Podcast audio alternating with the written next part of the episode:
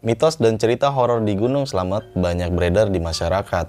Larangan saat mendaki Gunung Slamet pun berderet dan menjadi catatan mitos tersendiri bagi banyak orang termasuk para pendaki dan pecinta alam. Gunung Slamet terletak di Provinsi Jawa Tengah yang memiliki ketinggian 3.432 meter di atas permukaan laut atau MDPL dengan lokasi gunung yang mengitari lima kabupaten yaitu Kabupaten Banyumas, Purbalingga, Brebes, Tegal, dan Pemalang. Di balik keindahan dan kemegahan Gunung Slamet, ternyata banyak mitos dan cerita horor yang terjadi di sana, terutama yang dialami oleh para pendaki. Salah satunya kisah horor yang dialami seorang pendaki bernama Iwel. Diceritakan bahwa Iwel mengalami kisah horor yang luar biasa ketika mendaki Gunung Slamet. Bahkan Iwel sempat mengalami melihat sosok yang menyerupai seperti dirinya. Mau tahu kisah kelanjutannya seperti apa? Duduk manis, siapkan cemilan, dan selamat mendengarkan.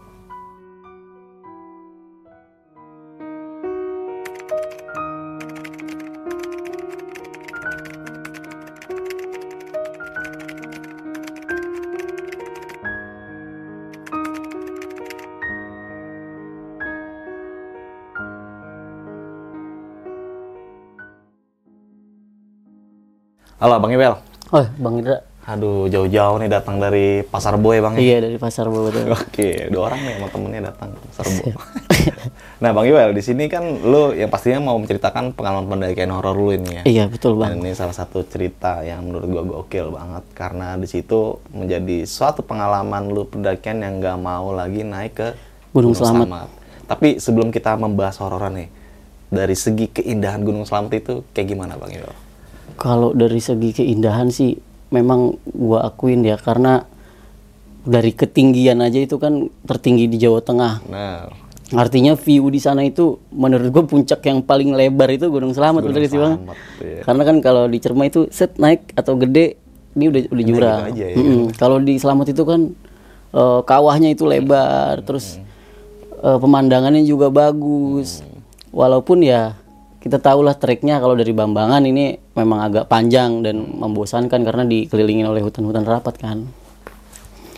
Jadi eh, itulah keindahannya Gunung Slamet yang pada awalnya gue pengen naik. Nah, jadi ya selain dari segi keindahannya juga Gunung Slamet khususnya dalam pendakian ini ada memiliki beberapa jalur ya Bang. ya? Beberapa jalur betul. Dari Guci dan Bambangan Iya, dan di Pajaya itu ya. Iya di Pajaya, Pemalang Di ya. Pemalang. Nah, itu banyak lah di setiap jalur pendakian itu mempunyai spot-spot keindahan tertentu ya. Iya betul. Nah, di sini kita bahas tentang horor nih Bang nih. Iya. Nah, horor pendakian itu kan sangat gokil banget nih. Ini lu alamin ketika tahun berapa nih, Bang?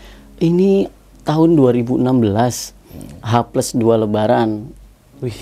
gue ya mungkin kalau dibilang orang gila-gila kali ya karena orang tua gue aja sempat bilang kamu ngapain ha masih suasana Lebaran kok naik gunung. Nah. Emang kamu nggak punya keluarga, keluargamu di hutan kan?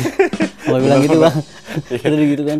Nggak apa-apa bu karena memang eh, kayaknya enak gitu loh pengen punya pengalaman. Ya waktu itu memang lagi ambisi-ambisinya gitu untuk untuk naik gunung itu bang. di tahun 2016 kemajuan teknologi gadget juga belum terlalu Eh, canggih betul, kayak Bang. sekarang. Ah, belum canggih Tapi lu mempunyai dokumentasinya nih bang ya? Ada dokumentasi waktu di puncak yang gue foto gokil tuh, Iya. yang di situ Yang semenjak kejadian itu baru mengalami kejadian yang semenjak itu baru mengalami kejadian dan selama berapa tahun? Berarti hampir dari 2016 tuh ya tujuh tahun ya sampai sekarang.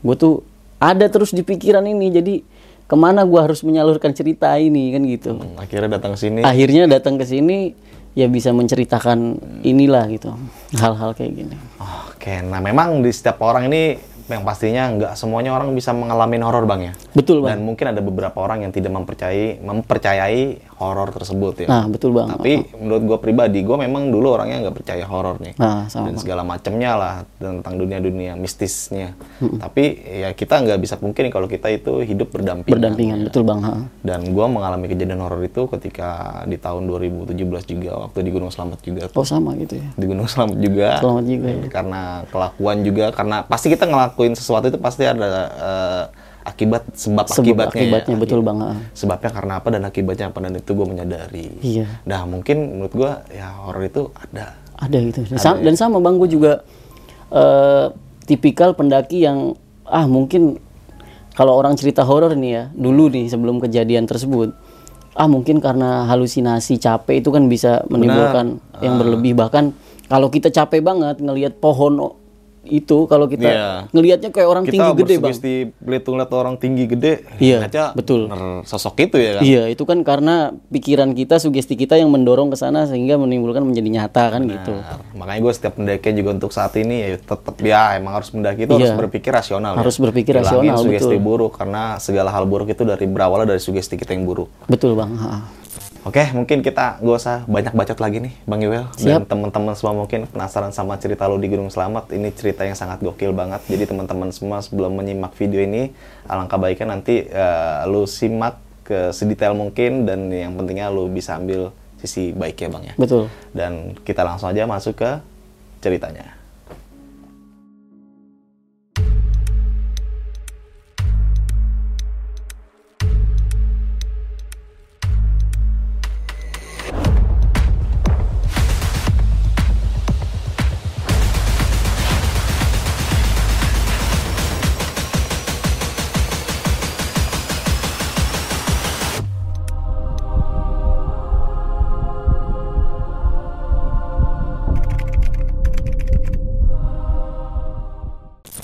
Oke, jadi eh, cerita awalnya nih kita kan punya niatan berempat nih bang dari Jakarta waktu itu. Kebetulan memang eh, pendakian kita pilih Gunung Selamet ini kan karena salah satu gunung tertinggi di Jawa Tengah kan. Eh, kita milih eh, berempat waktu itu berangkat dari Jakarta itu dari terminal Kampung Rambutan kita naik bis DMI sampai turun di Purwokerto. Nah sampai di Purwokerto ini temen gua nih udah kontak sama yang namanya Pak Warsito dia pemilik eh, pick up. Jadi dari dari Purwokerto sampai ke base camp itu base campnya Pak Warsito itu kan. Nah sampai di base camp eh, temen gue nih kebetulan sakit karena waktu itu kita berangkat dari Jakarta itu kan karena H plus 2 lebaran ya itu tuh macet banget waktu itu hampir sekitar 18 jam kita sampai Purwokerto Iya makanya 18 jam itu macet banget. Eh sampai di base camp itu sekitar jam 3 pagi lah, sekitar jam 3 pagi karena sampai di Purwokerto jam 12 malam. Sampai di sana mungkin karena terlalu lama akhirnya salah satu dari teman kita ini eh, ngedrop badannya dan kita putusin waktu itu gimana lanjut naik apa enggak. Kita nanya dulu sama teman yang sakit ini. Nah, yang sakit ini namanya Andri, Bang. Jadi akhirnya kata dia, "Udah, lo naik aja bertiga, biarin gue di sini di base camp." Ya udah nih nggak apa-apa, kan berdasarkan kesepakatan. Akhirnya gua, Dodi sama Goni nih bertiga memutuskan untuk naik di besok paginya. Eh, malam itu kita tidur dan gak ada masalah apa-apa sih, nggak ada feeling yang aneh-aneh. Memang waktu itu kalau kita lihat karena mungkin H plus 2 lebaran itu kondisinya rame. Sangat rame lah pendakian pada waktu itu. Paginya kita sarapan, terus registrasi dan Pak Warsito bilang, "E, Mas, yakin mau naik bertiga kalau masnya butuh teman biar saya carikan pendaki-pendaki lain biar gabung katanya begitu. Terus gue bilang, oh nggak apa-apa pak, kita kayaknya lebih enak bertiga aja. Eh, sebelumnya ada yang udah pernah ke Gunung Selamat belum? Ada sih, nah tem- temen gue yang udah pernah ini namanya Dodi. Ada sih pak ini Dodi cuma baru sekali gitu kan. Oh ya udah kalau gitu nggak apa-apa bertiga. Eh, kita registrasi itu kita pagi sekitar jam 9 karena waktu itu bangun kan jam 8 karena kecapean di jalan kan. Akhirnya kita putusin naik waktu itu jam eh, setengah satu siang waktu itu. Udah kita naik nih. Nah waktu itu kan belum ada ojek ya di dari base camp ke pos 1 itu. Dan kita sudah prepare semua, cek alat, oke, berangkat berdoa seperti biasanya. Habis itu udah kita jalan aja ya bertiga. Nah ini nih dari base camp ke pos 1 itu kan jaraknya lumayan ya bang. Dari Bambangan, saya waktu itu naik dari Bambangan itu sekitar tiga jam, tiga jam sampai pos 1 itu. Dan itu menurut saya itu lumayan panjang lah. Udah sampai pos 1 ini kita nggak ada masalah. Eh, memang langkahnya agak lambat karena Keril waktu itu salahnya kita adalah terlalu full pack berat. Biasanya kan pendaki-pendaki di awal ini kan pengennya kelihatan keren dengan gede-gedean keril gitu bang ya. itu kan manusiawi lah menurut saya kita jalannya agak lambat sampai di pos 2 itu nggak ada masalah kita break eh sampai pos 1 nggak ada masalah terus ke pos 2 juga nggak ada masalah break sebentar di pos 2 sampai pos 3 juga nggak ada masalah nih bang. Nah target kita kan waktu itu memang di pos 7 pos ngecamp tuh di pos 7 bang target ngecamp. Terus si Dodi ini bilang "E, kita gimana kalau ngecamp di pos 3 aja? Akhirnya teman saya nih si Goni ini bilang ah nggak usah lah ini terlalu jauh kalau ke puncak katanya gitu. Ya udah kita jalan pelan-pelan aja waktu itu sekitar jam 4 sorean itu kalau nggak salah. Kan kalau udah udah lewat dari pos satu mah agak deket lah jaraknya lumayan. Kita sampai di pos 7 itu sekitar jam setengah 6 sore. Pos 7 sampai karena itu nggak tahu lama banget ya. Mungkin karena hujan juga. Karena kita lihat posisi itu rame banget bang. Aduh ini rame banget. Kita ke mana nih? Ya udah kita balik lagi aja ke pos 5 akhirnya gitu kan. Spesial lebih luas. space-nya lebih ah, lebih luas. Sampai di pos 5 ternyata pendaki yang baru datang eh ada yang udah sebelumnya baru datang tapi dia belum buka tenda udah dibuka duluan tenda itu. Wah penuh juga nih. Gimana? Masa kita di pinggir-pinggiran yang agak miring lah. Nanti kan nggak enak tidurnya. Ya udah ada space yang kosong di mana? Di pos 4 Samarantu. Nah, di situ kan saya langsung kepikirannya karena sebelumnya saya baca-baca cerita mistis kan, mistis Gunung Selamat itu seperti apa gitu kan. Nah, cuma saya tekanin lagi bahwa saya pen- kita mendaki itu harus rasional gitu loh. Jangan jangan hal-hal yang kayak gitu kita bawa-bawa nanti nggak asik perjalanannya. Oke, singkat cerita dari pos 5 tadi kita turun ngelihat yang sebelumnya space memang ada di situ tapi itu full juga akhirnya kita ngecamp di pos 4 pos Samarantu eh, Samarantu situ kan. Nah sebelumnya juga Pak Warsito juga sudah bilang sama kita nih bertiga Mas kalau bisa di Samarantu jangan kena malam apalagi ngecamp di situ gitu kan. Cuma bagaimana lagi bang karena memang tempatnya nggak ada kan. Di Samarantu kita eh, gua waktu itu sampai jam habis maghrib lah mungkin setengah tujuan kali ya. Udah kita buka tuh tenda di situ bang dan di situ juga si Goni ini memang agak takut kan. Dia nanya terus ke kita berdua. Yakin mau ngecamp di sini? Ya gimana lagi Gon? Kita kagak punya tempat lagi. Tadi kan lu lihat sendiri full. Masa ya kita turun ke pos 3 tambah jauh gitu kan. Ya udahlah kalau gitu. Oke kita buka tenda di situ. Nah itu kan jadi gue ke Gunung Selamet itu via Bambangan tiga hari dua malam waktu itu. Jadi nggak bukan dua hari satu malam kan sampai di pos 4 malam pertama tuh ya biasa kita enjoy enjoy aja ngopi gitu kan terus ngerokok terus masak biasa itu nggak ada perjalanan nggak ada hal-hal yang menurut gua tuh aneh lah. Eh, paginya tidur kita kesiangan lagi bang karena memang kita pendaki telat lah bukan mengejar sunrise kan. Besok naik jam berapa? Ah, udahlah saya seenaknya badan aja gitu. Akhirnya kita masak-masak sampai jam 11 siang waktu itu di, di Samarantu ayo naik puncak yuk summit yuk. Ya udah ayo. Naiklah kita. Singkat cerita udah lewat pos 5, pos 6, pos 7, pos 8, pos 9 sampai atas nih nggak ada masalah. Nah mungkin satu karena kita kan bertiga kan memang agak kelotokan ya gue nyadarin itu bang. Sembarangan sembrono gitu ya. Mungkin di situ gangguan-gangguan itu mulai masuk karena gue juga punya dokumentasi nanti mungkin bisa ditampilin kalau gue di foto di puncak tuh pakai sempak doang itu bang Oh jadi lu foto di situ? Iya, Gokil. itu ada ada ininya, ada dokumentasinya. Sebelumnya itu cerah bang, sebelumnya itu cerah. Ah, Terus jadi si gini, si Dodi ini kan, abis puncak turun nih, ntar dulu. gue belum punya foto gokil nih, gitu kan. Gue pengen punya foto gokil. Terus gimana? Ya nggak lama langsung tuh gue buka celana terus mau gue kayak gini nih fotonya nih, ini baru keren. Gue megang pelang gitu kan. waktu itu. Terus katanya, lah lu mah ada aja lu, ini maksudnya hargain lah prasasti prasasti di situ gitu kan iya. katanya ya udah sebelum kayak gitu kita doa dulu itu ada foto gue lagi doa gue doa maksudnya buat ngirim Oh, iya. al-fatihah ke pendaki ini tuh gue ada doa no kata gue Baru foto tuh. iya insya Allah itu kagak bakal ngapa-ngapa lah kata gue gitu kan habis itu udah foto tuh. Nah pas gue pakai sempak itu fotonya kabut bang. Ada foto sebelumnya cerah tiba-tiba langsung kabut tebel itu kan. Nah si Dodi nih tuh kan langsung kabut. Lu sih gara-garanya kata gitu. Eh percaya percaya amat begituan kata gue gitu kan. Itu mah urusannya Tuhan lah urusannya Gusti Allah lah kata gue dah nggak lama tuh bang ngopi masih posisi pakai sempak gitu bang biasa. Terus mulai dingin tuh kan. Udah yuk turun yuk. Gue turun tuh kalau nggak salah sekitar jam 4 sore waktu itu. Dari puncak itu ha. Jadi jam jam 12 naik karena mungkin gak bawa keril sekitar jam 3an gue naik tuh Ah. satu jam di sana prepare udah gue langsung turun dari puncak Di puncak ramai berarti waktu itu. di puncak waktu itu rame gue ketemu eh, ada sekitar 9 orang Lu kagak malu banyak orang. itu makanya gue bilang kata temen gue itu kan "Ah, emang bocah gila katanya gitu oke, gitu. oke. Lanjut, lanjut. terus gue turun nah gue turun nih baru nih mulai ngalamin hal-hal aneh nih yang menurut gue kok feelnya beda gitu. Tadi kita naik happy happy aja di puncak happy happy aja. Begitu turun itu kabut benar-benar nggak eh, trek itu benar-benar nggak kelihatan karena kabut tebel kan. Iya. dan waktu itu kabutnya kabut hitam gue inget itu.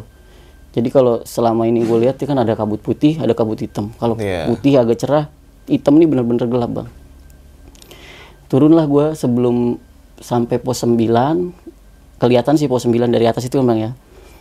Gue ngelihat ada pendaki jaketnya merah dan gue inget banget waktu itu. Bertiga kita ngelihat bang.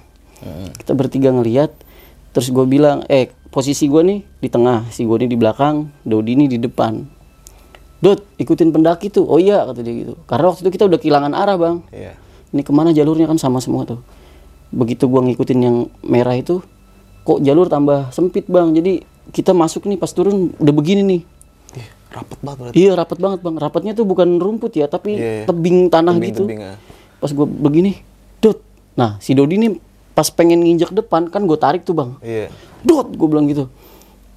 Lu lihat lah gua nggak ngeliat itu tebing bang blank bang.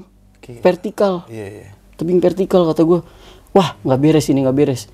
Terus gue naik lagi kan. Udah naik pelan pelan itu kan naik susah tuh. Makan waktu lumayan gue naik. Terus gue ngomong bertiga dot lu kan udah pernah ke sini lu tahu nggak jalannya ya gue tahu jalannya ini tapi nggak tahu kenapa tadi kok tiba-tiba hilang ya mungkin karena kabut kali terus gue tanya bertiga tadi kan lu lihat ada pendaki jaket merah dia lewat situ itu bener bang jelas Iya. pendaki itu lewat situ Sendiri. sendiri dia jaket merah. Tapi pas kita ikutin udah nggak ada dan kita nggak ketemu lagi. Nah karena gue di situ gue langsung sadar nih di pikiran gue. Dalam hati sih gue bilang cuma apa karena gue sembarangan tadi kali ya gitu. Ah udahlah itu cuma pikiran lewat doang langsung. Udah deh ayo naik lagi naik lagi. Naik lah tuh sekitar mungkin lima menitan sih lumayan naik itu kan.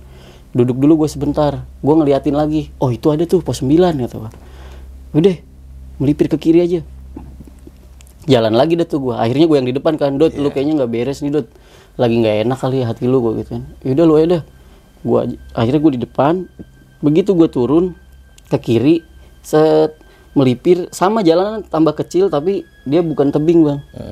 Kayak melipiran jurang gitu nih. Sininya nih langsung mungkin itu punggungan kali ya punggungan terus yang merosotan gitu tuh langsung terjal kan.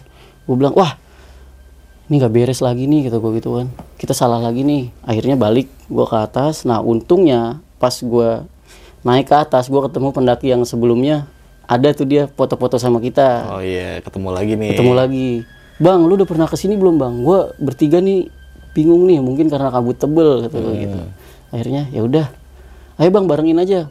Dibarengin lah tuh. Nah pas gue bareng nih trek tuh ada yang tadi gue lewatin. Lah ini treknya. Oke terus kan sampai di pos 9 udah tuh. Turun tuh alhamdulillah waktu itu udah mulai mulai gelap sih. Gelap sama gerimis. Gue turun sampai ke pos 4 ke Samaran tuh lagi gue ngecamp. Memang waktu itu si Dodi sama si Goni dia mutusin untuk ngecamp di situ. Iya. eh sorry turun maksudnya. Terus gue bilang wah kayaknya nggak bisa gue kalau turun malam gue bilang itu gue gue capek banget ini nggak tahu kenapa badan kata gue gitu kan bang. Kata dia ya udah ini mau ngecamp lagi. Kita cek logistik dulu. Kebetulan waktu itu kan karena hapus dua lebaran kue lebaran juga banyak bang Masih gitu. dibawa-bawa ya. Emang gokil bang. Jadi salah satu temen gue ini gue masukin kaleng wafer wafer kaleng itu kue Iya, lebaran gue masukin kan. Di masih ada nih wafer-wafer mah sama beras ada nggak? Ada telur ada. Oh ya udah cukup buat semalam nih mah. Dua malam juga cukup kata gue gitu. Ya udah kita ngecamp lagi. Oke. Terus singkat cerita kita ngecamp kan masak-masak. Nah cuma hawanya di situ kok kita gue bertiga nih ngobrol tapi ngobrolnya ngobrol ngarah-ngarah ke arah situ lah lu ngerasain gak sih maksud gue gue lu ngerasain gak gue apa yang kita rasain sekarang kayak kagak nyaman ya pengen baliknya bawaannya tahu kata dia. Gue juga bingung ini. Udahlah kagak usah mikir aneh-aneh si Dodi bilang gitu kan. Akhirnya udahlah tuh kita masak-masak. Nah pas lagi masak itu kan karena memang Samaran tuh ya memang banyak yang naik sih cuma nggak ngecamp di situ gitu bang Iya, cuma lewat doang. cuma lewat doang. Banyak yang turun juga nggak ngecamp di situ kan. Agak maleman sekitar jam 9 jam 10 itu. Kan udah mulai sunyi itu. Terus kita lagi bertiga lah bengong semua tiba-tiba kayak ada suara gamelan nih Ga- suara musik Jawa sih Iya. kalau gamelan sih kayaknya bukan cuma musik Jawa gitu lah Eh, nyinden Iya. Nah, terus gue gini, lu denger gak, Gon? Nah, si si Goni bilang, ah, itu mah suara dari bawah, Kri, kata dia. Itu kan base camp ini juga kayaknya nggak terlalu jauh, paling ketinggian berapa kita? Mungkin itu suara ke bawah angin, iya kali ya, kata gue. Ya udah, masak-masak, ngopi, kita tidur tuh habis itu bang. Jam 11, jam 11. Udah yuk tidur yuk, besok balik. Tidur semua nih bang. Jadi kita bawa tenda kapasitas itu 3 per 4 waktu itu Hmm. ya salah satu merek lah adalah habis itu ini kan samping Samaran tuh ini kan ada jurang nih bang Iya. pinggiran gitulah nah kita ngecamp pas di situnya nih di bawah pohon gede nah lagi-lagi si Dodi ini kan orangnya emang kelotokan ya Dot gue baca nih Dot di cerita mistis. Katanya jangan begini gini gini. Jangan yang aneh-aneh lah. Lah dia ngomong bang gue kagak peduli mau setan mau apaan kata dia gitu. Gitu. dia udah ngomong kayak gitu bang bener. Gue kagak peduli. Pokoknya kalau memang ketemu lah ya udah emang kita ajak ngopi ngapa? kata dia gitu kan. Kata gue ah lu. Nah nggak lama dia ngomong gitu ada suara gitu bang. Itu nyata ludahnya ada. Ludahnya bener diludahin di jaketnya. Dan gue lihat bertiga bang malam-malam siapa yang nggak panik? Gue langsung nyalain headlamp ngeliatin ke atas. Ah kata gue ini monyet bukan ya? Nah gue di situ udah mulai gemetaran tuh bang. Karena gue denger bertiga suaranya. Gitu kan. Eh ludahnya ada kata dia. Lu kali kata si Dodi kan nuduh si Goni itu ya. Lu kali. Tai kali gue lagi ngerokok tadi kata dia gitu kan. Gue lagi ngopi lah emang mana iya bisa gue ngeludah dari bawah ke atas? Fuh, kayak gitu terus jatuh gitu kan. Kan lu sendiri lihat kita bertiga lagi ngapain makanya lu kalau ngomong jangan aneh-aneh kata dia gitu nih bang. Nah nggak lama tuh udah dah. Eh, lupain aja kata gua. Udah tidur tidur tidur. Cuma di situ kan posisi kita bertiga juga kan jadi pertanyaan bang. Saling nanya. Mak- maksudnya kepikiran ini tuh apa yang tadi tuh apa gitu. Dan sampai sekarang pun gue juga kepikiran. Eh, itu jadi pertanyaan lah. Tapi semuanya juga tiga tiganya kita nggak berani nyimpulin itu apa. Dan kita nggak berani bikin statement wah ini setan gitu. Khawatirnya kan panik malah tambah parah kejadian sama keadaan gitu kan. Akhirnya ya udah tidur tidur. Besok kita mendingan prepare buat balik ya udah tidur tuh bang. Nggak tahu kenapa waktu itu ya gue tidur langsung plak aja mungkin karena capek gitu ya. Tiga tiganya nih kita bertidur. Eh bertiga nih tidur. Jadi posisinya nih si Dodi ini paling pojok si Goni di tengah nah gue juga di pinggir sini kan. Tenda tuh deket ke samaran itu kan ada pohon gede-gede tuh ya. Iya. Deket yang pohon gede kalau dari arah naik sebelah kanan lah. Terus gue tidur tuh malam jam setengah satu atau jam satuan itu gue mau kencing bang karena kebelet kan.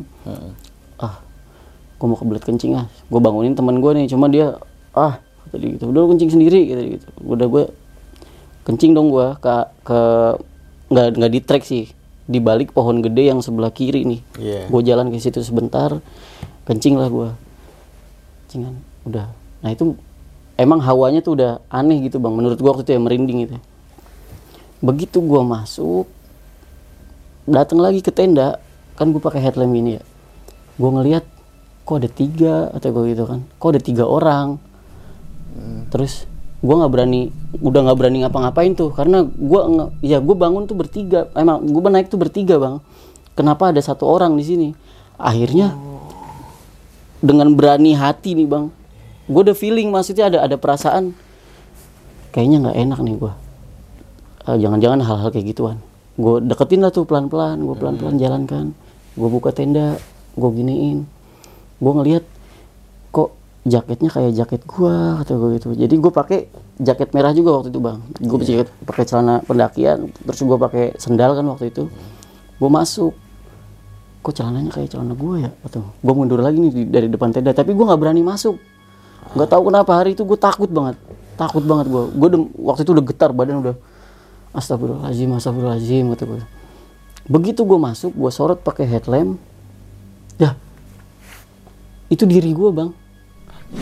Diri gue jadi pas gue lihat ah itu muka muka gue posisi ada headlamp juga nih. Kan gue ada headlamp ya dia juga pakai headlamp sama tapi headlampnya udah udah dimatiin gitu lah gue masuk astagfirullahaladzim. Gue di situ pengen nangis bang. Merinding saking merinding. Wah. Apa namanya? Sejadi jadinya lah. Gue ngeliat terus gue pastiin ini orang pakai sepatu apa pakai sendal. Kan gue pakai sendal jepit waktu itu swallow itu kan. Gue lihat dia juga lagi pakai swallow bang. Gue nggak langsung gue tanpa pikir panjang gue nggak bangunin teman gue duduk. Gue gini astagfirullahaladzim gue nih sadar apa enggak maksudnya? Sam- sampai gue cubitin gini bang. Aduh sa- sakit. Terus gue ngerokok. Ya nyata gitu loh kayak kita ngerokok biasa aja. Sampai gue gue gini giniin lah. Loh ini beneran apa enggak sih? Beneran apa enggak sih? Gitu gue gitu kan. Gue nengok lagi nengok begini masuk lagi. Itu masih ada itu. Jasad gue jadi persis dan gue yakin itu jasad gue dan itu bukan bukan keadaan dalam posisi gue tidur. Mungkin kalau misalkan gue lagi tidur oke lah mungkin itu bisa berhalusinasi kan? Tapi ini gue lagi bangun bang. Habis kencing lagi. Masuk ke tenda. masuk ke tenda gue ngelihat diri gue lagi tidur. Sejadi udah gue langsung astagfirullahalazim ya Allah astagfirullah. udah gue sampai pagi mulai dari jam satuan mungkin tuh ya. Gue di depan tenda gue duduk bang. Duduk itu udah rasa dingin itu udah nggak ada. Pokoknya udah badan tuh berubah jadi panas gitu kan. Saking takutnya mungkin ya sama capek. Gue nggak berani gue nggak berani gue bilang gue nggak berani masuk tenda nih yaudah gue duduk aja di situ gue ambil kompor itu pun gue ngambil kompor kan depan tenda kan ada ada layer gini nih gue ngambil tuh jadi nggak nggak nggak begini bang saking gue takutnya Lu nggak ngeliat. Iya, gue nggak ngeliat. Gue langsung ambil kompor gini kan, ambil air. Itu gue nyalain korek itu yang gue inget. Itu udah udah getar bang, udah nggak, udah pikiran tuh udah nggak fokus lah. Gue bakar, terus gue ngopi, ngerokok, terus gue ya baca selawat gitulah, selawatan Allahumma sholli ala Muhammad. Sampai pagi itu. Terus temen gue tuh bangun jam setengah enam dia, setengah enam. Lalu ngapain kagak tidur? Lu gila lu ya, mau turun besok katanya gitu kan? Kagak dah. Ntar aja gue cerita, kagak ngapa-ngapa, gue gak bisa tidur, alasan gue gitu kan. Nah itu berarti pagi udah nggak ada tuh. Pagi tuh udah gak ada bang. Pas teman gue bangun tuh, seneng gue dalam hati. Wah lu udah bangun udah, gue bilang gitu kan. Gue ngeliat itu, ah udah gak ada. Cuma dia ngeliat gue emang bingung, lu ngapa kata dia gitu kan. Nggak ngapa-ngapa kata dia gitu. Kata gue gitu, nggak ngapa-ngapa bang. Eh dot, gue bilang, udah nih. Pas udah kayak gitu, ntar gue ceritain di base camp deh. Gue packing tuh kan sepanjang jalan tuh gue kepikiran tuh ya. Sepanjang packing terus habis itu udah yuk lu mau gak kata gua. Kita naik dulu ke pos 7 kek kata gua gitu. Gua nggak tahu nih tiba-tiba gue pengen naik ke pos 7 lah lu gila kali lu kira pos pos 4 pos 7 deket kata dia gitu kan. Ya bangsa bentar-bentar mah nggak ngapa kali gitu gua gitu kagak usah lah. Akhirnya udahlah tuh. Eh, kita masak-masak aja. Udah masak-masak aja. Turun jam berapa? Sekarang aja yuk kata gua. Itu kan waktu masih pagi banget bang. Maksud gua jangan sampai kena malam nih. Cuma si temen gue si Dodi ini emang dia kalau gua tanya-tanya tuh emang senang trek malam kan. Kata dia udah kita nikmatinnya dulu di pos 4 kita ngapain kayak ngopi kayak ngecengin pendaki kita udah summit ini gitu gitu kan biasanya kan kalau udah turun tuh kan pada ngecengin. Ya kan? Semangat bang semangat bang gitu kayak gitu. Kan nah, itu emang hari itu kita lihat orang banyak. Sampai ditanya tuh kan sama pendaki empat orang gua nggak ini eh, nanya tuh dari mana bang? Saya di Tangerang bang kata dia gitu kan. Oh lu mana? Jakarta Pasar Bo kata gue gitu. Udah. Dia naik tuh lu ngecamp di sini bang? Lah gila lu kata dia gitu kan. Emang gila apa sih bang? kata gue gitu. Cuma gue tetap harus ini Rasional. iya rasional bang ini pikiran gue nih nggak boleh nih ke bawah ke bawah negatif. Biar biar biar enak lah kata gue cuma itu masih terus jadi pertanyaan gitu kan. Singkat cerita sampai siang sampai sore lagi tuh jam setengah empat apa setengah empat baru kita prepare tapi prepare santai lah. Iya. prepare slow kan. Udah yuk packing ini nih. nah eh, terus ada ada yang aneh lagi. Kan gue packing bertiga nih bang. Ini tiga tiganya lihat. Jadi pas gue angkat tenda nih kan kan biasanya kita gini giniin dulu tuh sama frame nya kan. Seret. Abis itu ya lah ini tenda robek ngapa? kata gue gitu. Emang robek? kata dia gitu kan. Nah jadi pas di belakang tenda yang arah arah ke hutan arah ke jurang itu ada bekas cakaran bang. Tapi bukan bukan apa ya? Gue bilang bukan cakaran hewan. Emang awalnya sih kalau di situ waktu itu gue bilang ah ini cakaran hewan gue gituin. Gue netralin itu bang ada bekas cakaran tapi bentuknya kayak tangan. Itu di di Tenda di double layernya. Oh double layer. Heeh, di double layernya. Pas udah itu kan gue cepet gue pasang lagi. Lah ini ada bekas apa nih? Cakaran gitu kan. Jadi bentuknya ada lima tapi panjang seret sekitar mungkin 30 cm kali lah. Nah di situ dia ninggalin darah tuh. Iya ninggalin darah. Itu tiga tiga teman gue lihat bang.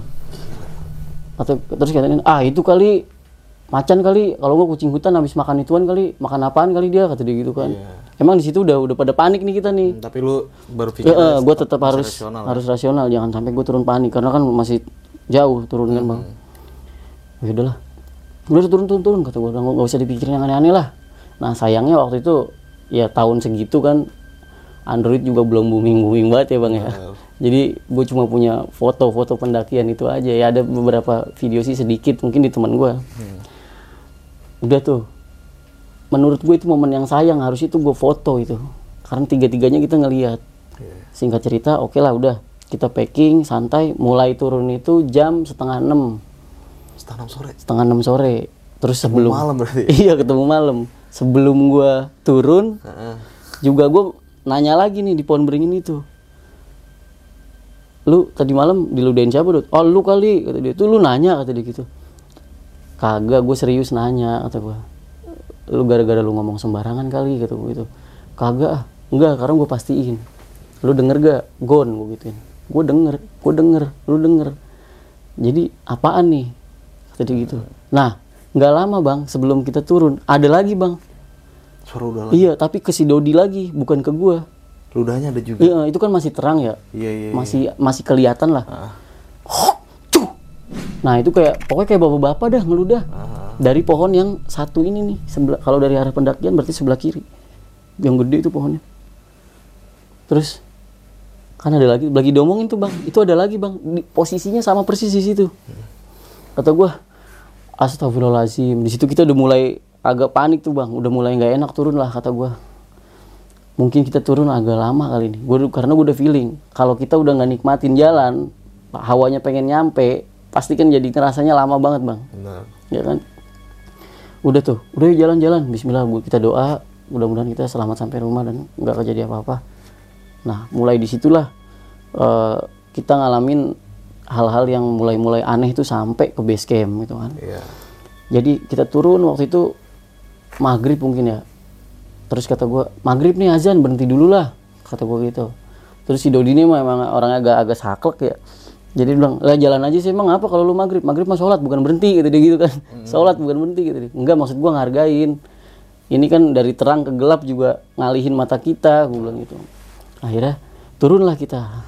Itu turun biasa cuma hawanya emang pengen cepet-cepet nyampe kan sebelum sampai di pos 3 itu ya pos 3 kan udah kena malam ya kita emang turun agak lama banget karena posisi hujan jadi turun langkah tuh bukan satu satu satu tapi tek tek napakin kaki yang tadi nih jarak yang tadi nih. kan agak lama tuh.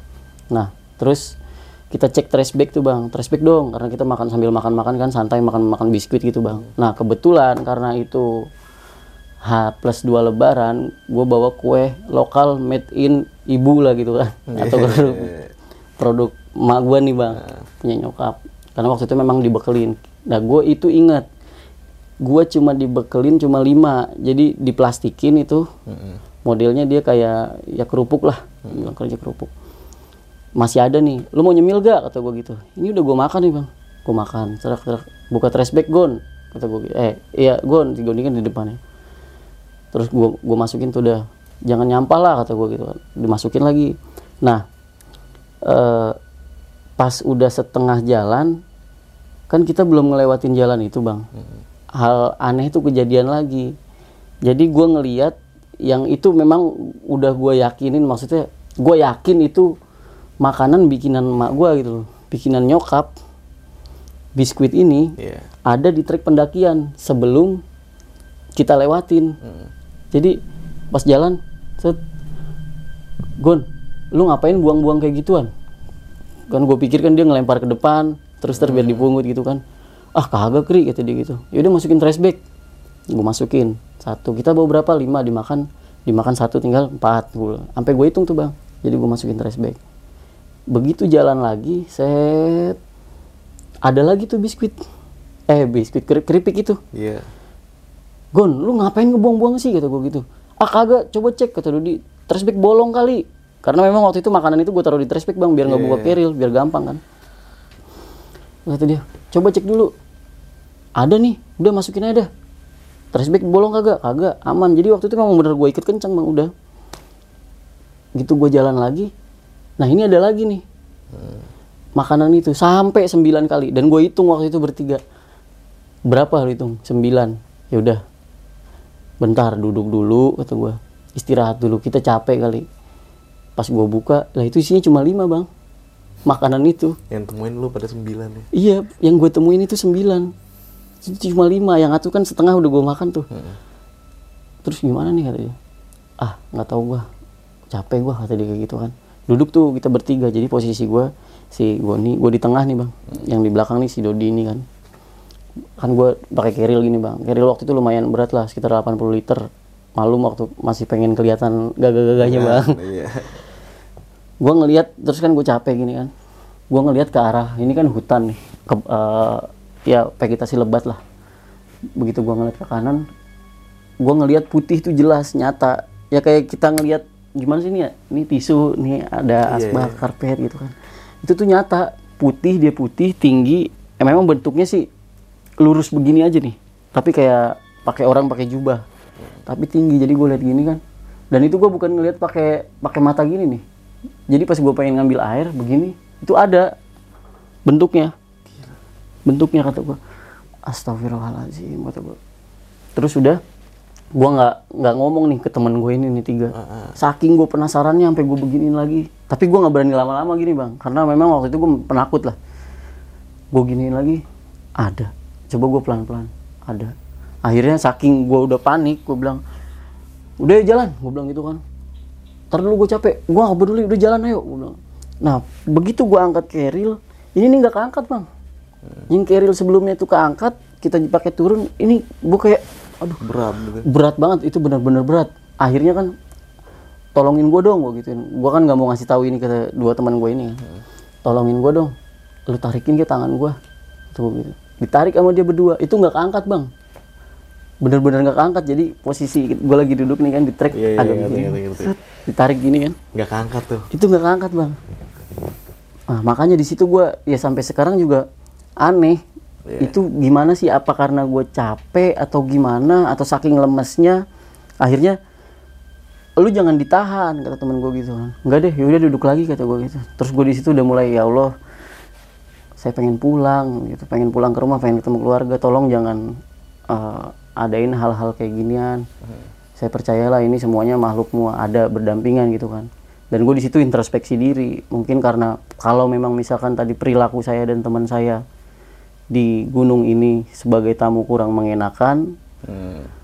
eh, saya minta maaf lah gue bilang itu dan saya nggak nggak akan ngulangin lagi gue bilang gitu. Terus gue baca doa tuh gue inget banget itu waktu baca baca kul huwallahu ahad samad terus anas sama ayat kursi. Akhirnya baru bisa keangkat bang sendiri tuh. Coba tarikin karena sama teman gue kan gue ditarik tuh sampai karena sebelumnya berat dia nariknya kenceng kan.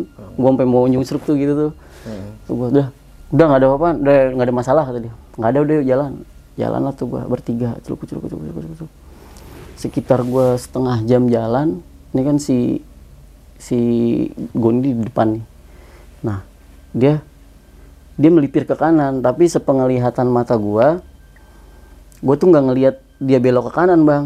Jadi gue masuk ke jurang kali ya. Ya dibilang bisa dibilang kayak jurang lah mungkin sekitar 3 meter 3 meter ya lumayan kan karena tinggi itu. Gue masuk ke situ rasa langsung itu tuh langsung masuk ngeblong aja tuh gitu. Untungnya gue jatuh pakai keril Iya, iya. jadi gue langsung ya gue ngelihat gue itu trek bang. Trek pendakian itu kan memang agak kecil itu ya.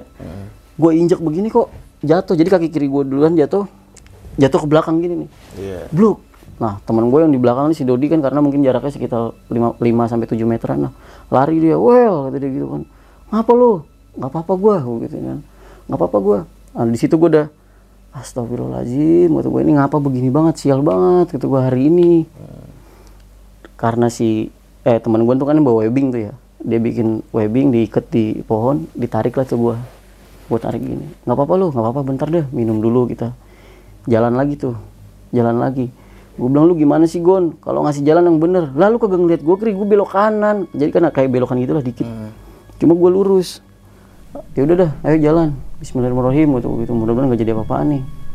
Nah itu kita udah ngelewatin pos 2 kalau nggak salah cuma pos 2 kita bablas. Di pos 2 nih. Nah di pos 2 itu gue ketemu sama pedagang dua orang. Ibu-ibu sama bapak-bapak. Karena di situ gue udah panik kan. Bu pak saya tolong bareng ya sampai sampai base camp. Oh iya monggo. Cuma dia waktu itu lagi prepare. Kamu jalan duluan aja. Nanti kesusul kok katanya gitu kan. Oh, oke. jadi waktu itu udah di pos 2 gue turun ke pos 1 wah ini nggak tahu ya namanya mungkin akamsi kali ya bang ya. Nggak lama sih kita jalan memang tahu-tahu itu ada suara berduk berduk berduk. Nah itu ibu-ibu tadi sama bapak tadi nih penjual. Pak tungguin pak. Yaudah ya ikutin langkah saya. Nah itu nggak kekejar bang saking cepetnya mungkin karena udah biasa kali dia bawa ini kan dagangan ke situ. Akhirnya ya udah kagak mau ngejar gimana? kata gitu gitu kan. Ya udah bertiga aja Bismillah aja nggak ada apa-apaan deh. Sampailah kita di pos 1 terus di pos 1 kita break sebentar itu kan. Mungkin jam jam jam 9 kali jam 9 sampai di pos 1 ya udah mau ngopi nggak? Nggak usah lah kata dia gitu. Nah pas kita lagi duduk nih kita denger suara orang nyinden lagi suara musik sinden gitu kan. Lagunya pokoknya lagu Jawa gue inget banget itu. Denger gak? Oh berarti udah deket nih kita kita. Berarti udah deket banget nih. Ayo udah yuk kita percepat aja. Kan semangat itu bang. Iya, iya. yaudah yuk, yuk, yuk jalan. Jalan lah kita tuh ber, bertiga set. Mungkin sekitar satu jam kali kita jalan ya. Kagak tahu nggak tahu kenapa trek tuh hilang. Yang sebelumnya kan gue inget itu ada pohon-pohon mungkin hutan homogen kali ya Iya. pinus-pinus buatan Pinus-pinus kecil Ah, gitu ya. Iya pinus-pinus gitu kan. Nah ini gue nggak nemuin trek itu bang. Jadi gue langsung ngikutin jalur tahu-tahu ke sungai, ke kali dan itu gede banget alur alirannya deres. Gue nggak tahu itu bang itu di mana. Sampai sekarang mungkin gue mau nyari di mana trek itu. Iya, iya, iya, iya. Gue mau gue nyasar ke situ nih bang. Jadi melipir. Nah pas sebelum, loh kok kali kita kan gak lewat sini gue bilang itu. Oh ya udah. Eh, kita pelan-pelan aja lihat dulu airnya deres sama dalam kagak gitu kan. Coba dicek dulu tuh si Dodi yang ngecek kan. Oh ini aman nih masih nih masih bisa ada batu-batuan gitu tuh bang batu-batuan yang bisa ditapakin. Nah pas kita mau jalan nih gue berdua sama Goni kan Dodi di, di, di bibir sungai nih. Kata gue berhenti dulu Dot ada suara inian bang harimau. Iya kayak harimaunya Alsan eh siapa? Esan Alsat itu. Iya, iya. Ger ger kata gua ya lu denger gak? Denger kata gitu kan. Ya udah jalan aja. Tar dulu bukan masalah apa apanya oke kalau itu gue sempat debat itu bertiga. Oke kalau itu misalkan hal-hal yang kita temuin sebelumnya di pos 4 lah kalau harimau beneran kita jadi rantai makanan gue bilang gitu kan. Iya, bener. kita dimakan bagaimana? Tunggu dulu. Nah itu gue dengerin tuh bang bertiga. Ger ger suaranya. Oh mungkin macan minum kali ya? Wah terus ke mana nih kita? Balik lagi balik lagi juga nggak mungkin kata gua karena jalurnya ya dari dari ke, ke sungai itu agak jauh memang. Ma- masa balik lagi gitu gua pas dua nggak mungkin lah. Udah jalur lewat sini aja kali mudah-mudahan lah. Aman gue bilang gitu kan. Akhirnya kita paksain untuk berani. Ya udah tuh kita jalan. Set. Dan gue lihat kiri kanan memang nggak ada apa-apaan. Cuma suara itu makin kenceng. Ger ger kan di situ gue panik ya. Agak panik. Percepat apa jalannya kata gua. Si Dodi di depannya langsung seret udah tuh lurus jalur situ tiba-tiba jalur nih kecil kayak jalur jalur penduduk kali ya. Gua lewat situ tiba-tiba ada ini nih kok jalur naik lagi? Kata gua. Kita telusurin tuh bang. Jalur mungkin sekitar 15 menit kan lumayan ya. 15 menit. Set. Terus ada adalah tuh plang di situ puncak tulisannya. Tulisannya puncak. Iya. kata gua lah kok kita naik lagi ya? Kata gua gitu kan terus dia bilang lah iya ini gua nggak tahu ngapa nih. Ini turun turun turun cari. Nah ternyata pas dari sungai ini ini ada jalur yang ke sini ada yang ke kiri ada yang ke kanan naik. Gua waktu itu naik ke sini ke kanan ke di situ. Turunlah kita lagi tuh turun udah turun. Berhenti di simpang ini nih. Nah pas di simpang ini ini kita ke mana nih? Kalau kiri sungai. Kalau lurus kita nggak tahu kanan udah jelas atas. Ada ada ada jalur pokoknya kayak bekas injakan orang lah rumput itu kan. Eh coba ke kanan dah kata gua. Naik ke kanan kita bang. Set. begitu sampai di situ ada ada pendopo bang. Bagus banget. Bagus banget. Nah pendopo itu kayak mungkin buat orang bertapa kali ya. Tapi gue juga nggak tahu ini pendopo. Kalau gue sih penglihatan gue itu nyata karena bertiga nih. Dan itu gelap banget. Gue masuk ke situ bang. Weh jangan di sini dah kayaknya karena banyak sesajennya kan. Nah di situ juga sampai sekarang gue pengen nanya itu pendopo itu ada apa enggak gitu loh. Iya. udah tuh balik lagi. Begitu sampai pendopo si Dodi ini bengong bang. Udah mulai diem aja dia. Kan rokok dot. Dia diem aja. Pokoknya tatapan ini udah udah kosong bang. Tatapan udah kosong. Terus ayo jalan dot. Dia cuma diem doang gitu bang. Gua gon ah, capek kali dia kata dia gitu kan akhirnya gue melipir balik yang ke jalur sini nih. Ternyata bener gue keluar di jalur penduduk. Eh, kebun bawang itu kalau nggak salah. Gue jalur ke situ nah tiba si Dodi nih tahu-tahu pingsan. Pingsan nggak tanpa aba-aba lah pokoknya langsung Langsung jatuh langsung gitu jatuh gitu aja depan gue bro panik gue di situ bang. Astagfirullahaladzim dot dot dan gue lihat waktu itu matanya dia putih semua ini ya bang. Nggak ada hitam-hitamnya nggak ada hitam-hitamnya. Jadi begini gue mikirnya kayaknya antara kecapean tapi kalau hipo kan kedinginan kata gue mungkin kecapean kali ini anak punya riwayat penyakit. Si Goni gue suruh tunggu situ lu tunggu sini Gon. Gue mau lari gue mau ke mana yang penting gue eh, ketemu jalur pendakian. Nah ternyata dari tempat yang jatuh itu eh, nggak inilah nggak jauh lah. Nggak jauh dari situ. Ada tim sar naik dua orang waktu itu. Terus gue giniin kan karena dia baju oranye gue lambai-lambai tangan sar sar sar gue gituin. Kenapa mas ini yang tadi sakit ya temennya. Bukan pak ini baru pingsan di sini kata gue gitu. Terus dia langsung pakai HT kan buat ngirim dua orang lagi naik ke sana. Gue disar lah sama yang dua sar ini. Iya. kok sampean keluar dari sini mas? Katanya gitu kan nggak tahu pak. Saya tadi nemu pendopo. Ngawur ya sampean katanya gitu kan. Ngarang orang nggak ada kok di situ nggak ada nggak ada pendopo katanya gitu. Nah itu kita bertiga tuh ngelihat itu ada pendopo bang. Pendopo bener-bener nyata gitu. Nggak tahu mungkin waktu itu emang kita kalau mutusin tidur di situ kelanjutannya gimana tuh nggak tahu lah gitu kan. Iya. habis itu bener pak tadi kita lihat pendopo. Terus habis dari pendopo teman saya udah eh, pak tatapannya kosong pingsan. Dikasih air lah tuh. Terus eh, diapain gitu dipegang ininya gitu bang sama tim sar ini. Ini agamanya apa? Kan ditanya kan waktu itu. Islam pak Islam. Ya udah. Terus dibacain apa gitu sama bapaknya. Baru tuh matanya balik lagi ininya terus habis itu disar sampai base camp kan. Memang tim sar di sana gokil ya bang. Jadi nggak nggak kekejar lah sama kita berdua. Gue inget banget itu sampai lari-larian headlamp gue sampai ke belakang ini. Nggak sadar gitu kan. Sampailah kita di base camp waktu itu. Base camp. Terus kan karena yang tadi di awal eh, penanggung jawabnya ini Pak Warsito itu yang punya pick up tadi itu gue di eh, ditelepon lah Pak Warsito Pak ini ada eh, yang trouble gitu kan akhirnya yaudah dilihatin dulu di base camp itu semua pendaki di base camp tuh pada ngeliatin kenapa ini bang? Kenapa ini bang? Nggak tahu gitu kan. Kalau menurut tim sar kita eh si Dodi ini pingsan karena racun bawang. Jadi bawang. Mm-mm, eh pupuk bawang pokoknya dia mengandung racun. Oh iya jadi aromanya itu. aromanya itu Iya, gitu iya. kan. Nah kalau menurut kan ada beberapa versi. Kalau menurut Pak Warsito kebe- kebetulan kayaknya Pak Warsito kan agak dengan hal-hal mistis tuh ya begitulah bang. Eh, udah ntar saya iniin coba tolong ceritain kronologinya katanya gitu kan. Sampailah kita dibawa ke rumahnya Pak Warsito waktu itu. Coba Mas Iwel gimana ceritanya? Terus gue bilang gini ya gue ceritain awalnya kita di puncak ya begini di pos Samarantu ya begini. Oke akhirnya Pak Warsito nih kayak dia manggil apa sih orang mungkin mediator kali ya bahasanya ya. Dimasukinlah ke bapak itu. Nah bapak ini itu bisa tahu nama teman gue ini. Jadi pas dia kayak kayak kesurupan gitu loh bang. Eh saya nggak suka sama Dodi katanya gitu. Karena Dodi karena Dodi berperilaku sembarangan katanya dia kayak gitu. Nah kan di situ gue bingung ya kenapa eh, dia bisa tahu nama nama ini sedangkan gue tuh belum ngasih tahu. Terus gue tanya sama teman gue yang di base camp tadi lu ngasih tahu nggak namanya? Enggak gue ngasih tahu kata dia gitu kan.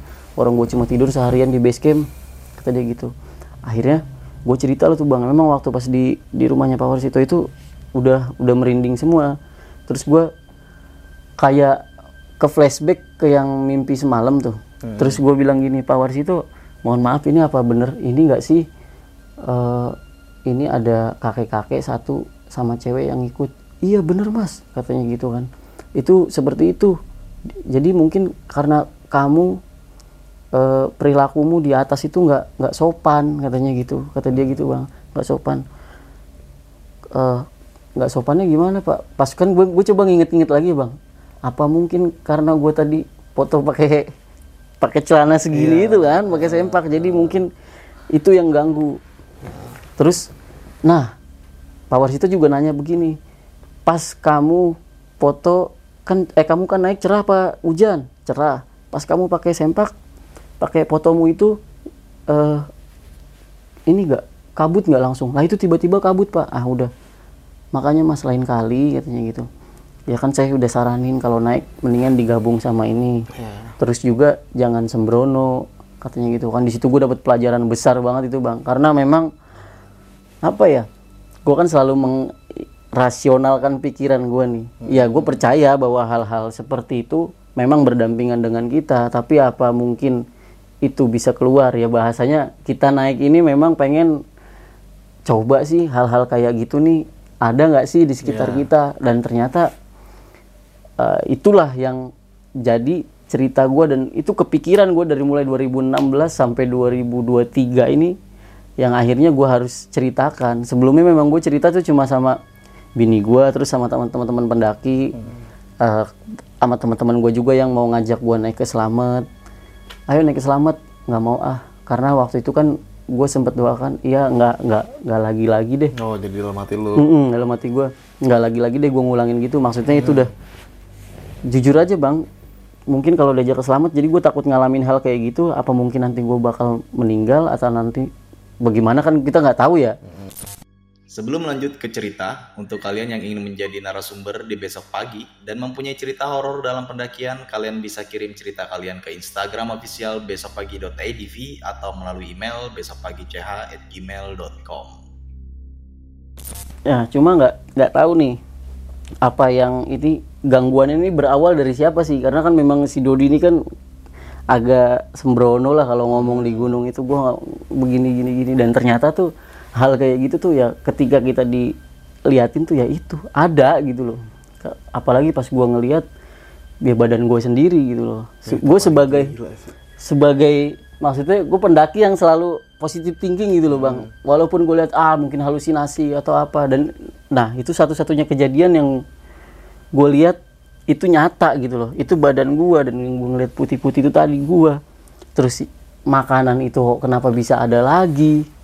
Sampai 9 kali itu kan itu jadi pertanyaan. Kan gue mulai mulai naik tuh di awal tahun 2009 tuh bang. 2009 naik. Dan sampai tahun 2015 tuh nggak ada lah kita ngalamin hal-hal kayak gitu. Dan baru pertama kali ngalamin di selamat ini. baru pertama kali ngalamin di selamat itu bang. Jadi wah kayaknya gua nggak bakal ke selamat gue bilang gitu.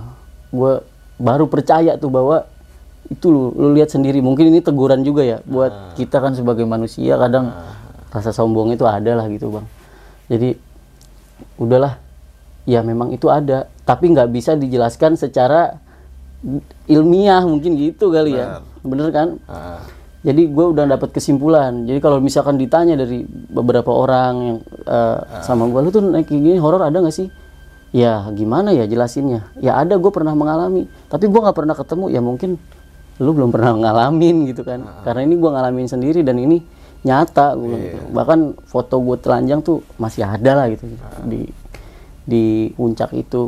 Memang sayangnya tahun 2000 segitu gue belum punya gadget yang canggih gue bilang gitu kalau aja misalkan dari tahun segitu atau tahun 2000 udah, udah canggih. iya oh udah ya. canggih Kita mungkin dokumentasi ya. gue gua dokumentasiin gue bilang itu ini cuma ada foto ini gue dan saksinya ya tiga teman dua teman gue itu gue bilang gitu sayang banget jadinya Ya, gue juga pernah ngalamin kayak pengalaman lo kayak gini, Wel. Jadi waktu itu gue emang nggak percaya banget hal horor nih. iya Naik gunung dari tahun-tahun lama ya kan gini, ah nggak ada lah hal horor. Gue mempercaya ada, iya ya kan orang yang kita hidup berdampingan kan. Mm. Tapi ketika gue ngalamin hal horor itu, ya gue ngerasain sendiri. Nah itu. ketika gue ngejelasin orang tanya gue bingung ngejelasin Iya, gimana Bisa. jadi ya udahlah lu nikmatin aja tapi lu nggak usah terlalu percaya ya Pak. Heeh. tapi nanti lu bakal ngalamin ya gue nggak nggak ngejudge tuh orang bakal ngalamin enggak Iya, Ya, mungkin nanti suatu saat lu bakal ditampakin atau Ditampakin, gimana lah yang ya. ngalamin atas eh, buat diri lu sendiri lah Iya. nah oke thank you banget nih Kang Iwel lu udah mau berbagi cerita ya Sama-sama, di besok pagi Indra. datang dari jauh-jauh nih dari Pasar Rebo ini pengalaman pendakian Gunung Slamet tahun 2000 2016. dan lu nggak mau naik Gunung Slamet lagi nih nggak mau lagi bang jadi kemarin gue diituin ayo gue bayar nggak mau gue bilang gue lebih sayang nyawa gue Nah itulah cerita-cerita pendakian ya. Kita kadang di pendakian itu punya cerita, cerita senangnya, lucunya, Iya, cerita kekocakannya, konyolannya juga. Kekonyolannya Dan juga. di balik itu juga kita pasti ada lah sedikit mempunyai cerita horor nih. Salah satunya lu nih bang ya. Hmm. Nah setelah kejadian itu lu mengalami kejadian horor lagi ya di pendakian-pendakian selanjutnya tuh? ah mulai dari situ ada ada beberapa pendakian yang dokumentasinya pun ada di Gunung Salak. Itu ada videonya. Iya, cuma balik lagi ke ke gue harus irasional. Jadi gue solo tektok ceritanya tuh ya. Pohon gerak-gerak sendiri bang. Itu videonya ada. Oh lu sempet videoin tuh. iya gue sempet videoin. Tapi gue tetep ah mungkin hewan ah mungkin apa. Ah, Terus itu gua- penting banget tuh buat kita harus bersikap rasional tuh penting. Iya betul. Karena kan kalau kita nggak eh, udah udah panik itu kan makin memperkacau keadaan yang ada kita ntar lari ke mana-mana. Kacau. Karena sugesti kita buruk bakal membawa ya kita ke mana-mana nih. Betul bang. Ah. Nah ini gokil banget pendakian lu nih di Gunung Selamat. Gunung Tapi di sini gue mau bertanya nih tentang di pendakian lu saat itu. Nah lu ketika pakai foto sempak di puncak tuh, Iya. well, itu emang kayak aku pengen gokil aja tuh. Emang Iya, ada maksud tertentu nih. Eh, enggak, gue pengen gokil aja. Maksudnya gue pengen punya foto dokumentasi yang nggak dimiliki orang lain gitu. Makanya lu pakai tuh foto. Makanya gue ya. Jadi ini plang Gunung Slamet, gue pakai sempak berdua sama temen gue si Goni. Oh jadi lu tutupin begini. gue tutupin begini, Iya, iya, gitu iya, kan. Iya, iya. ya seb- ya sebelumnya sih ada lah tapi kayaknya nggak perlu gue sebutin juga gitu kan Ah. yang gue mungkin telanjang bulat itu ada mah pegang pelang begini tapi nggak perlu gue tunjukin itu kan Ah. itu se- ya karena memang gimana ya kita naik gunung ya harus kan ya tentunya inian lah eh, wawasan kita itu kan Hmm. safety itu udah udah pasti harus kita siapkan tapi bagaimana caranya kalau gue pengen naik punya cerita seru gokil gitu loh Hmm. Nah, nggak tahu. kesan tersendiri iya, buat kesan kesan lu nih tersendiri. ya? ya. Jadi ntar kalau gue cerita ke anak gue kan, ini loh, papa waktu muda tuh gila juga gitu kan. Iya iya iya Gitu ngerti kan. ngerti ngerti. Makanya banyak temen gue tuh kalau naik sama gue, lu mau gila kalau naik semaunya sendiri gitu gitu kan. Karena sempat viral tuh Bel waktu di gede, tau kan lu yang telanjang bulat tuh naik tuh yang belum lama nih. Iya. Sempat viral kayak gitu. Untung lu gak viral lu. Untung tahun itu belum ada media Iya, makanya itu bang. mana media. Iya. Coba kalau sekarang, wah, Wah, udah dibully gua bisa-bisa. bisa nih. Nah itu jeleknya perkembangan zaman juga bisa mengancam Iya, kita kita tergokil-gokil. Dan itu jangan ditiru lah maksudnya. Iyalah. Kayak gitu. Ini ya buat kesan pribadi Kesan aja ya. pribadi aja. Itu waktu itu di puncak ramai itu berarti Bel. Waktu itu di puncak ada gue sama dua rombongan lain, mungkin 14 orang sih. Wih, lumayan 14 orang ya. termasuk gue ya. Responnya gimana tuh mereka? dia geleng-geleng doang bang dia cuma geleng-geleng ngapain katanya gitu kan ya beginilah bang cara menikmati alam gitu biasanya kan kalau zaman-zaman waktu baru lagi panas-panasnya kan sok ini banget bang asik Tapi emang di tahun itu perkembangan gadget ya belum terlalu maju banget. Iya, benar, Jarang orang punya punya Android Jarang, ya. Mungkin orang-orang yang tertentu aja. tertentu aja. Masih pakai BB itu.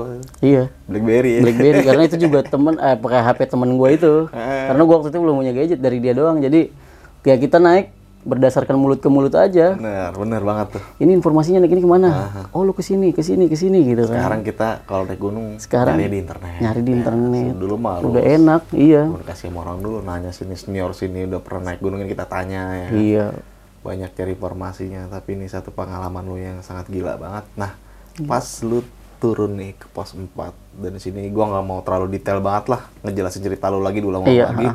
yang gue pengen jadi bahan pertanyaan ketika lu sampai pagi dan lu memutuskan untuk naik lagi ke pos 7 itu kenapa? Ah itu gua nggak tahu. Di pikiran gua karena pos 7 itu mungkin rame ya. Kan panik nih kita nih. Iya.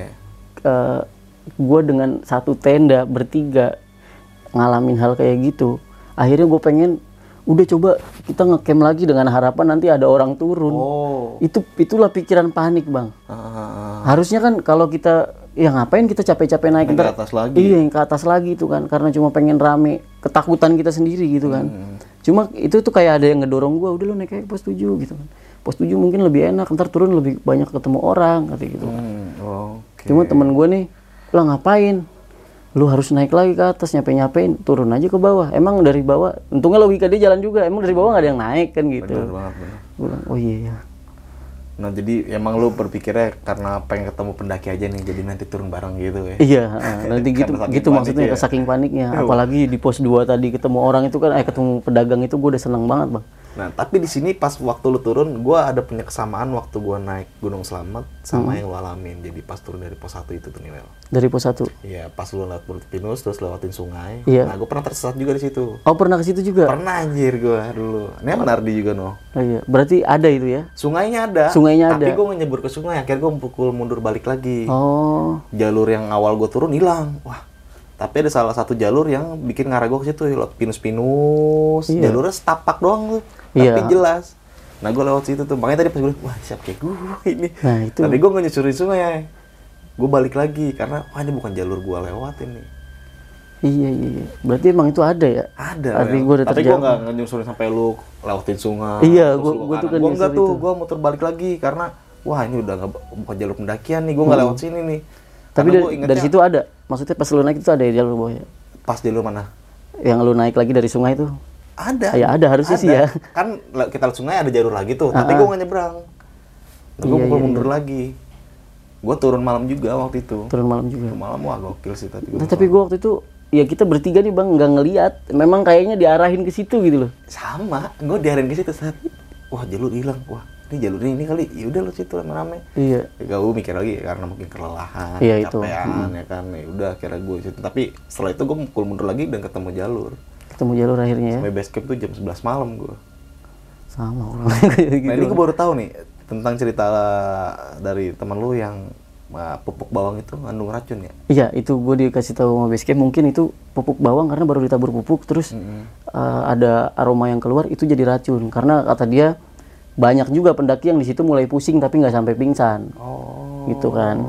Kan gue juga ngambil maksudnya nggak cuma dari satu sisi misalnya sisi gaibnya atau sisi apanya gitu. Gitu yang ngambil secara rasional. Oh, dari pupuk ya. dari berarti. pupuk berarti. Iya masuk akal juga sih. Kadang orang baru naruh pupuk baunya kan nyengat banget. Baunya nyengat banget. Apalagi kita pendakian beraktivitas capek. Ah, itu. Karena kondisi nafas juga nggak teratur ya kan. Jadi oksigen mungkin karena di situ berubah jadi racun, kita kan lagi capek rebutan Ah. oksigen masuk ke situ. Ya udahlah, badan kena gitu kan. Tapi secara hal gaibnya tadi yang lu ceritain. Iya, ah, secara hal gaibnya begitulah kata Pak Warsito itu juga. Hmm, Oke nih, Bang Iwel, thank you banget sekali Siap, lagi. sama-sama, Lu udah Bang Indra. berbagi cerita. Dan sebelum kita mengakhiri video kali ini, lu punya pesan-pesan nggak Bang? Buat teman-teman semua yang menonton video lu saat di Gunung Selamat. Oke, ada Bang pesan. Jadi ya yang pertama seperti pada umumnya ya bahwa mendaki gunung itu kan kegiatan yang ekstrim dan berbahaya. Tentunya persiapan dulu nih. Persiapan kan ada ada ada lima lah. Iya. lima. Mental yang pertama kemudian fisik perbekalan peralatan serta wawasan. Gitu kan.